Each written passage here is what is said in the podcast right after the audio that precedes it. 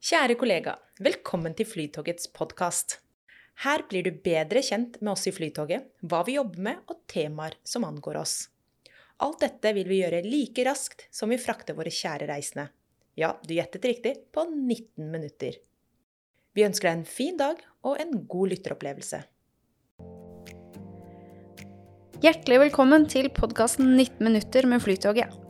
Jeg heter Elisabeth, og i dag har jeg for første gang med meg en kvinnelig gjest i studio. Dagens gjest er ny direktør for drift og teknisk, Trine Pande Rolfsen. Velkommen. Takk.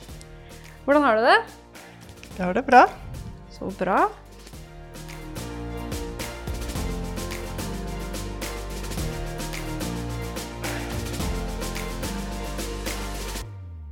Vi har jo sett at du har blitt eh, introdusert på intranett, og mange har møtt deg i gangene.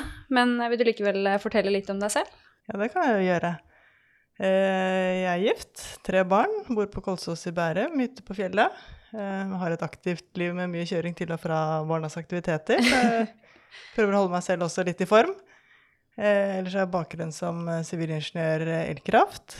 Jeg har jobbet i Mantena og Statnett før jeg kom til Flytoget. Mm. Så jeg har erfaring egentlig fra to ulike bransjer, da, både togbransjen og strømforsyningsbransjen. Mantena de driver jo med vedlikehold av tog, så du har jo jobbet med jernbanen før. Er det nyttig for deg som ny i Flytoget å ha jobbet i et annet jernbaneselskap? Ja, det er absolutt uh, en fordel. Uh, men jeg merker jo at uh, jernbanekompetansen min er litt, litt rusten. så jeg sitter jo i møter og for den ene trebokstavforkortelsen, eller kanskje flerbokstavforkortelser etter den andre. Læringskurven har vært bratt der de, de første ukene, altså. Ja. Sikkert greit å ha et grunnlag, i hvert fall. Absolutt greit å ha et grunnlag. Vi har jo tre faste spørsmål i denne podkasten, så da tenker jeg vi bare kjører i gang. Hva syns du er det beste med Flytoget? Eh, jeg opplever at Flytoget har veldig mange hyggelige kollegaer, men det er jo ikke akkurat unikt eh, for et selskap, det. Eh, men det som jeg tenker som, som jeg har lagt veldig merke til som er veldig unikt med Flytoget, er jo den veldig sterke merkevaren. Og da, også da hvordan det kundefokuset som, som, på en måte er selve merkevaren, hvordan det gjennomsyrer hele organisasjonen, det syns jeg er veldig mm. kult å se. Og hvor gikk din siste reise? Eh, den siste planlagte, som jo ble avlyst uh, pga. Av korona, og det var en uh, jobbreise som skulle vært i Sunndalsøra i april, i min forrige jobb. Mm. Så må vi litt lenger tilbake, da. Så det var nå en jentetur til Riga i oktober i 2019 for å feire at vi alle jentene hadde blitt 40 år. så det var gøy. Ja.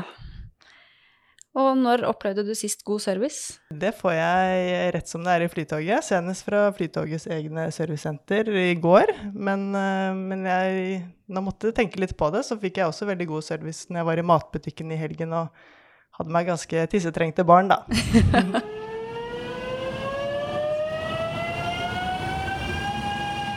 du er jo direktør for drift og teknisk. Hva innebærer egentlig det? Uh, ja, det kjappe svaret er at jeg har ansvar for det som har med togene å gjøre. Uh, men det litt lengre svaret er jo at jeg har det operative ansvaret for sikker drift, og at flytogene er tilgjengelige for å kjøre når de skal.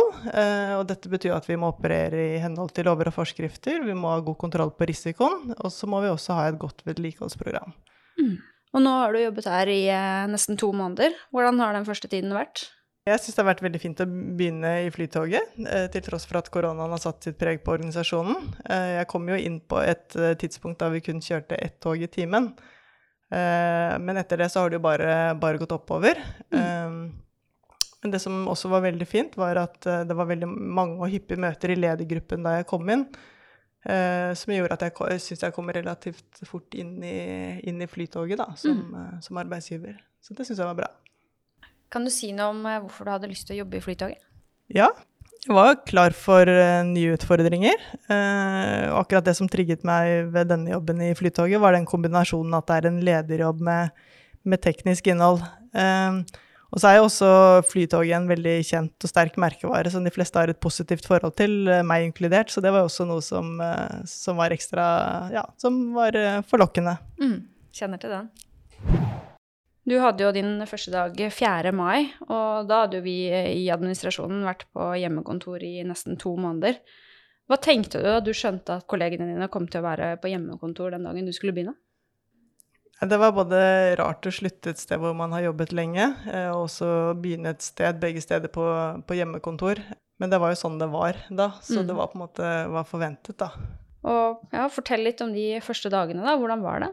Nei, jeg var jo innom kontoret her eh, første dagen, fikk utdelt eh, kort og PC og sånn. Eh, og så, så da fikk jeg jo se lokalene. Det Mm. syns jeg var veldig fint. Eh, og så var det jo laget et, et eh, bra introprogram for meg, så selv om jeg ble sendt hjem eh, fra dag to, så var det mye planlagte møter hvor jeg ble kalt inn til, til samtaler. eh, og det syns jeg var veldig bra, for da var det folk som tok kontakt med meg. Og også som jeg sa, så hadde vi møter i ledergruppen tre ganger i uken, eller hyppige møter da jeg startet, som Mm. gjorde at jeg kom ganske kjapt inn i, inn i de problemstillingene man sto rett eh, oppi. Og så kalte jeg inn alle de som jeg leder for, eh, til sånne bli kjent-samtaler på Teams, da, for Mm. at jeg skulle få møte dem ansikt til ansikt. Eh, men det, det var jo også litt sånn stusslig på begynnelsen der. Man satt der med sin egen PC.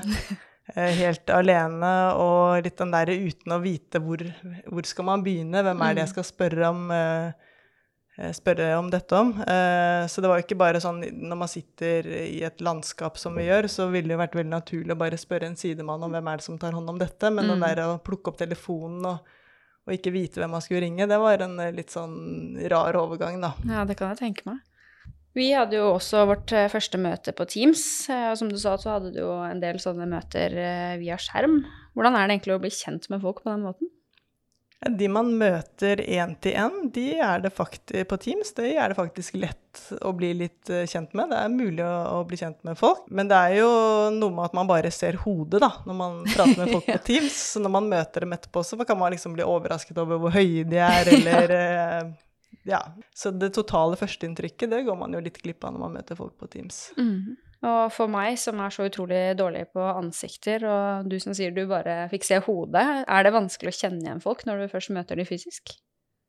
Eh, De som jeg har møtt sånn bare én til én på Teams, eh, de klarer lett å kjenne igjen. Eh, Men hvis det har vært større møter, eller hvor det er sånne møter hvor, hvor man bare prater om folk, det syns jeg har vært litt eh, vanskeligere. Så jeg har brukt veldig mye tid på å se på, på organisasjonskartet og, og prøve å orientere meg om hvem som er hvem.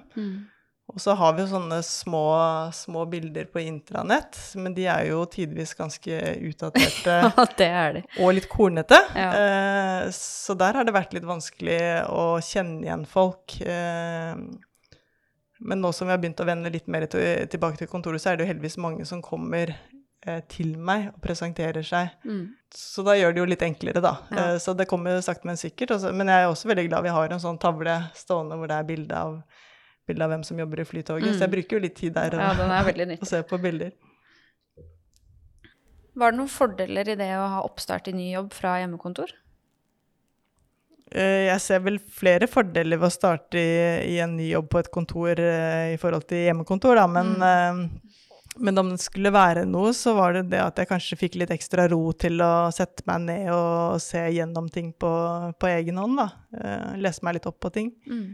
Da du begynte, så var du jo ikke bare nyansatt, men du var jo også leder for en hel avdeling. Eh, Du sa jo litt at du hadde én-til-én-møte med hver av de du er leder for, men eh, hvordan er det egentlig å være leder for noen du ikke får møtt fysisk?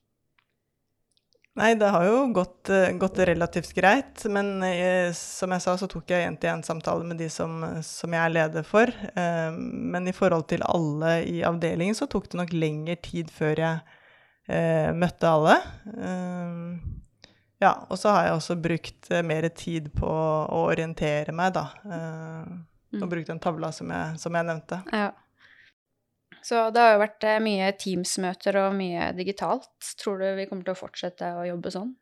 Også når vi ikke trenger å holde så mye avstand lenger? Ja, noen vil nok eh, sitte mer på hjemmekontor, og det kan hende at, eh, at flere benytter det i, i større grad. Um, men jeg tenker at man mister også mye ved å ikke møte kollegaene sine. Det er det, det lille sosiale i hverdagen, de små avklaringene eller samtalene i landskapet eller ved kaffemaskinen, for ikke å prate om lunsjen. Så informasjonsflyten er jo absolutt ikke den samme når folk eh, sitter hjemme. Eh, Og det skal man jo være veldig bevisst på, tenker jeg, man, hvis man velger løsninger hvor, eh, hvor, det blir vesentlig mer hjemmekontor i fremtiden. Da. Mm. Jeg merker jo det selv, at man setter jo ekstra stor pris på å komme inn på kontoret etter de månedene her.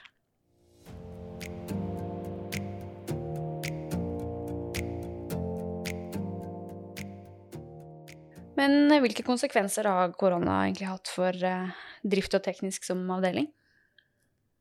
Nei, vi har jo Det har jo vært fokus på å kutte kostnader hele veien. Ehm, men så har vi jo mye Vi har jo hatt mange tog som har stått stille, og de Det koster penger også å ha det stille, og de bruker også strøm selv om eh, selv om de ikke er ute og kjører i normal trafikk, da. Mm. Men mm. siden vi har hatt flere tog som har stått, så har vi prøvd å få gjort litt mer av litt sånn nødvendig større vedlikehold. Eh, så det har vi hatt eh, fokus på. Og så er det enkelte som sier også at hjemmekontoret har gitt færre for, forstyrrelser, sånn at de har sittet, kunnet sittet mer i ro, mm. som har gjort at enkelte som har hatt mye liggende, har kanskje fått tatt unna litt av den backloggen av saker som de har hatt liggende. Mm. Så det har vel på en måte både vært litt rolig og hektisk om hverandre. med ro på enkelte oppgaver, men også hektisk i form av at vi har hatt endringer som har måttet tas tak i med en gang. F.eks. når vi har endret fra flere tog i, i trafikk, eller at vi kasta oss rundt og intensiverte kursing av egne ansatte til fordel for permitteringer og sånn type ting. Mm. Men hvor har egentlig togene vært når de har stått stille? Har vi en egen parkeringsplass hvor vi setter alle togsetene? Ja, det var faktisk litt uh, vanskelig å finne ut hvor man skulle sette alle togene. Uh, det var ikke bare vi som hadde tog som ikke skulle stå, gå i drift, men det var uh, en utfordring siden det var veldig mange i, tog i hele Norge som skulle hensettes innen en, en periode. vi endte opp med å sette våre togsett i Lodalen her i Oslo. Og på et tidspunkt så kjørte jo Flytoget bare ett tog i timen, og da brukte vi kun fire togsett, og hadde da altså tolv togsett som måtte ha et sted å stå. Mm. Uh, og i denne perioden så hadde vi også stort fokus på å spare kostnader. Og strømforbruk på tog var noe, et område hvor vi så at vi kunne spare kostnader. For et togsett som står rigget opp mot strømnettet, det bruker strøm tilsvarende en middels stor enebolig. Eh, så da brukte vi faktisk tid på å rigge eh, togsetene opp og ned eh, for å spare strømutgifter. Men da måtte vi f.eks. rigge dem opp før det kom kraftig regnskyll, for å, for å nevne noe, da. For ja. å sikre at de var tette når regnet kom. Ganske omfattende operasjon, tipper jeg. Ja, det krevde noen ressurser, men vi hadde jo, hadde jo ledige ressurser også på det tidspunktet. Mm. Du sa dere har gjort eh, ekstra vedlikehold på togene i eh, koronatiden. Eh, men hva har dere gjort, egentlig? Vi har gjort en stor jobb med å fuge på nytt rundt alle vinduer. Og så har vi gjort tetting av det vi kaller underreder på togene. Og det er tiltak som er gjort for å sikre at vi får mindre vanninntrenging, som igjen blir et problem for på komponenter. Det er ganske mange komponenter på toget som ikke tåler vann spesielt da, godt. Mm. Så for å tette togene bedre, så har vi gjort, uh, gjort disse to tiltakene, da. Mm. Og det er ting dere måtte ha gjort uansett, ikke sant? Det er ting som, uh, som vi måtte ha gjort, eller som er fint å få gjort. Um, for vi får mindre feil på, på, disse komponentene når de får mindre vanninntrengning. Mm. Uh, og når vi da hadde togsett uh, stående siden vi kjørte færre tog i trafikk, så, så var det en ekstra mulighet da, som bød seg. Ja, det er jo godt å få utnyttet. Er det noen ting som dere nå ligger etterpå, som dere må jobbe mer med fremover? Ja, vi har jo det prosjektet med nye flytog, da, som fikk en veldig sånn naturlig koronapause, om man kan kalle det det. Ja, nye flytog. Eh, kan du ikke fortelle litt mer om det? Eh, ja, eh, Flytoget har jo bestilt åtte nye togsett fra den spanske togleverandøren KAF. Eh, som for øvrig er den samme leverandøren som trikkene i Oslo kommer fra. Ja. Eh, prosjektet hos oss det har gått gjennom eh, flere år, men det er jo nå i sluttfasen. Eh, togene produseres på fabrikk i Spania, men det gjøres jo også omfattende tester av dem på norske skinner for å sikre at de, at de fungerer her hvor de skal gå i trafikk. Mm. Uh, og så er det jo også mange underleverandører med forskjellig nasjonalitet. Eh, og da med enkelte land som har vært hardt rammet av koronaviruset, og reiserestriksjoner over store deler av verden, så har jo det gitt utfordringer med tidsplanene. Mm. Eh, så tidsplanene er eh, derfor under hardt press, og nå prøver man da å få inn mer på, på kortere tid. Og foreløpig så ser vi jo at KAF setter på mye ressurser, og så blir jo blir jo det vi må gjøre, er å henge med i svingene på det, da. Mm. Uh, mm. Uh, ja, og internt så vi også, må vi også da gjøre en omfattende jobb for å få de nye togene over i ordinær drift. Uh, det er ikke én dag at du tar over, og neste dag så er de på eh, full fart i vanlig produksjon. så vi må sørge for at de har et vedlikeholdsprogram, og at vi klarer å følge dem opp også garantiperioden, da. Mm. Så har jeg jo sett at det har blitt gjort en del tester eh, i løpet av koronatiden. Det er jo veldig gøy å være den som har e-postadressen sin på flytoget.no, for jeg får jo mye e-poster fra flytogfans som observerer toget både her og der og spør hva er dette for noe. Det fine toget som ser helt annerledes ut enn de dere vanligvis kjører. Så det er gøy. Og det bringer meg over på et spørsmål som jeg har, og som jeg tror både mange i Flytoget og også utenfor Flytoget har. Og det er får vi se de nye flytogene i drift i løpet av 2020? Eh, ja, det vil jo tiden vise, da. Eh, det er jo som jeg sa, at eh, de fikk jo litt eh, koronaforsinkelser der. Ja, det er jo ikke så lett å bygge tog eh, fra hjemmekontor, kanskje? Nei, når et verksted blir stengt, så blir det stengt. Ja. så hørte jeg også det var jo en togulykke nede i Skien som gjorde at det var litt vanskelig å få togene ned på, på lager i Skien også. Ja, vi har jo tre av de nye togsettene er i, i Norge. Eh, og de er jo enten eh, på Grorud eller eh, i Skien. Eh, og ikke bare den togulykken, men også det sommeravviket som er nå i sommer, hvor det er stengt for jernbanetrafikk mellom Asker og Drammen, gjør jo også at, eh, at det er vanskelig å frakte tog mellom eh, Skien og Grorud. Mm, ja, det tror jeg på. Det er veldig hektisk uh, møteaktivitet for tiden om oppdaterte tidsplaner. Og vi kan jo absolutt si at de kommer på drift etter hvert, disse togene. Men om det blir i 2020 eller i 2021, det, det gjenstår jo da å se. Uh, men det er bare å glede seg til fine, nye flytog. Det gjør vi absolutt. Du har jo jobbet her noen måneder nå, som vi har snakket om, og jeg håper du har fått med deg at vi er veldig opptatt av å fremheve kolleger når de gjør noe bra. Så da kommer dagens siste spørsmål. Har du en kollega du har lyst til å skryte av?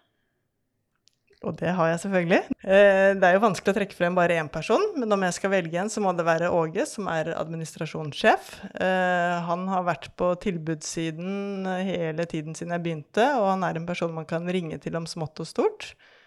Eh, og spesielt da når man sitter på hjemmekontor som ny, så er det veldig fint å ha en sånn person som bare mm. byr på seg selv. Og så han er absolutt så så inkluderende. Eh, og så tar han seg ikke selv så veldig selvhøytidelig. Så han har veldig det kan jeg skrive under på. fin humor. Så det må bli Åge. Ja.